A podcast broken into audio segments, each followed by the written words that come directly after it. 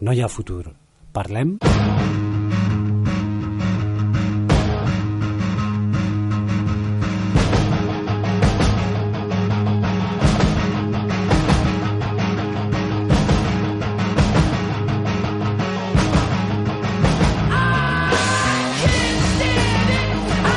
I arribem a... Res, falten 5 minuts, eh, 8 minuts per acabar el programa.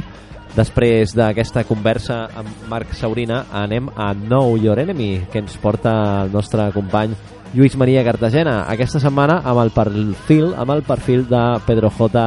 Ramírez, eh, el que va ser director del Mundo, eh, un dels principals instiga, instigadors de les teories de la conspiració respecte a l'11M, respecte a diverses furgonetes i coses trobades, respecte a la, la incertesa dels explosius un senyor que va apostar molt fort mentre li va convenir per aquesta teoria i que, al qual li van donar suport eh, eh, al Partit Popular i que quan ha deixat d'interessar-li al Partit Popular perquè ha tret uns papers de Bárcenas o vés a saber per què, doncs han prescindit d'ell. Doncs això, en Lluís Maria Cartagena ens porta avui al nou Your Enemy dedicat a eh, Pedro J. Ramírez.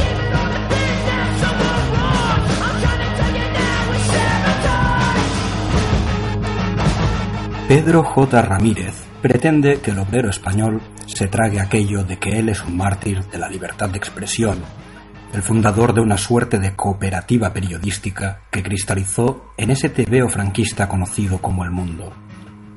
Cuando fundó dicho aquelarre desinformativo, aseveró que las acciones del mismo estaban repartidas entre sus trabajadores, cuando lo cierto es que uno de sus primeros accionistas fue ni más ni menos que Mario Conde, banquero de Banesto, y que él mismo y su socio poseían la mayor parte de lo que acabaría siendo un holding en toda regla.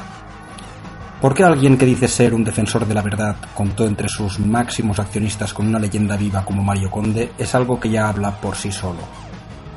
Pero ello no es óbice para que Pedro J quiera hacernos creer que él es el mesías del buen periodismo, el máximo exponente de la libertad en busca, eso sí, de votos, en sus propias palabras, para el PP y para UPyD. El desenmascarador de todas las corruptelas, de todas aquellas, claro está, en las que él no saca tajada. Pedro J. Ramírez acabó vendiendo, su TVO por 2.000 millones de pesetas a la familia Agnelli en los años 90. Cabe destacar que la familia Agnelli es propietaria de la empresa de coches Fiat y del club de fútbol Juventus de Turín, y que el aludido J. Ramírez se quedó con un pírrico 1% de las acciones, de modo que la trayectoria económica del TVO, en términos de ganancias y pérdidas, dejó de importarle lo más mínimo.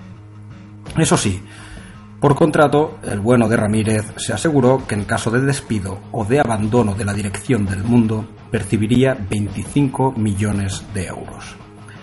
Siendo así, la presunta condición de mártir de Ramírez se nos antoja ridícula. Pero veamos en qué sustenta Ramírez su condición de adalid de la libertad de expresión. Según él, lo han echado por publicar filtraciones acerca del caso Bárcenas y por criticar a Urdangarín.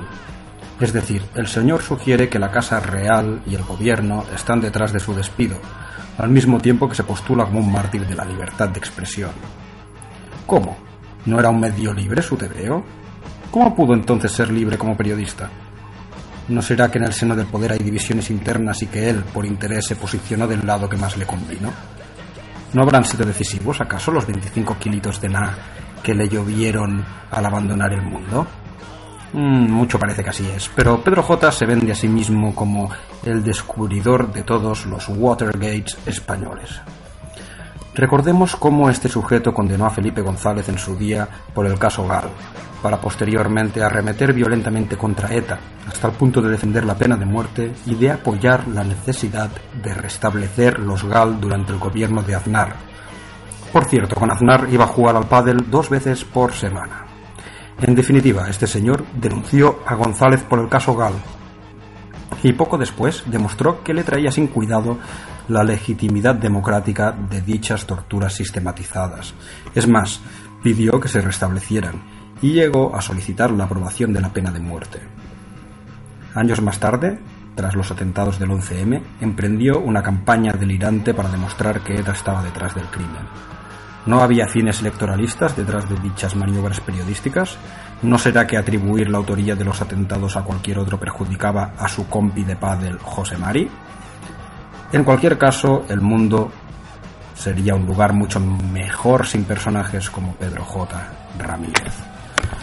¡Fuera Pedro J. Ramírez! ¡Fuera la mafia!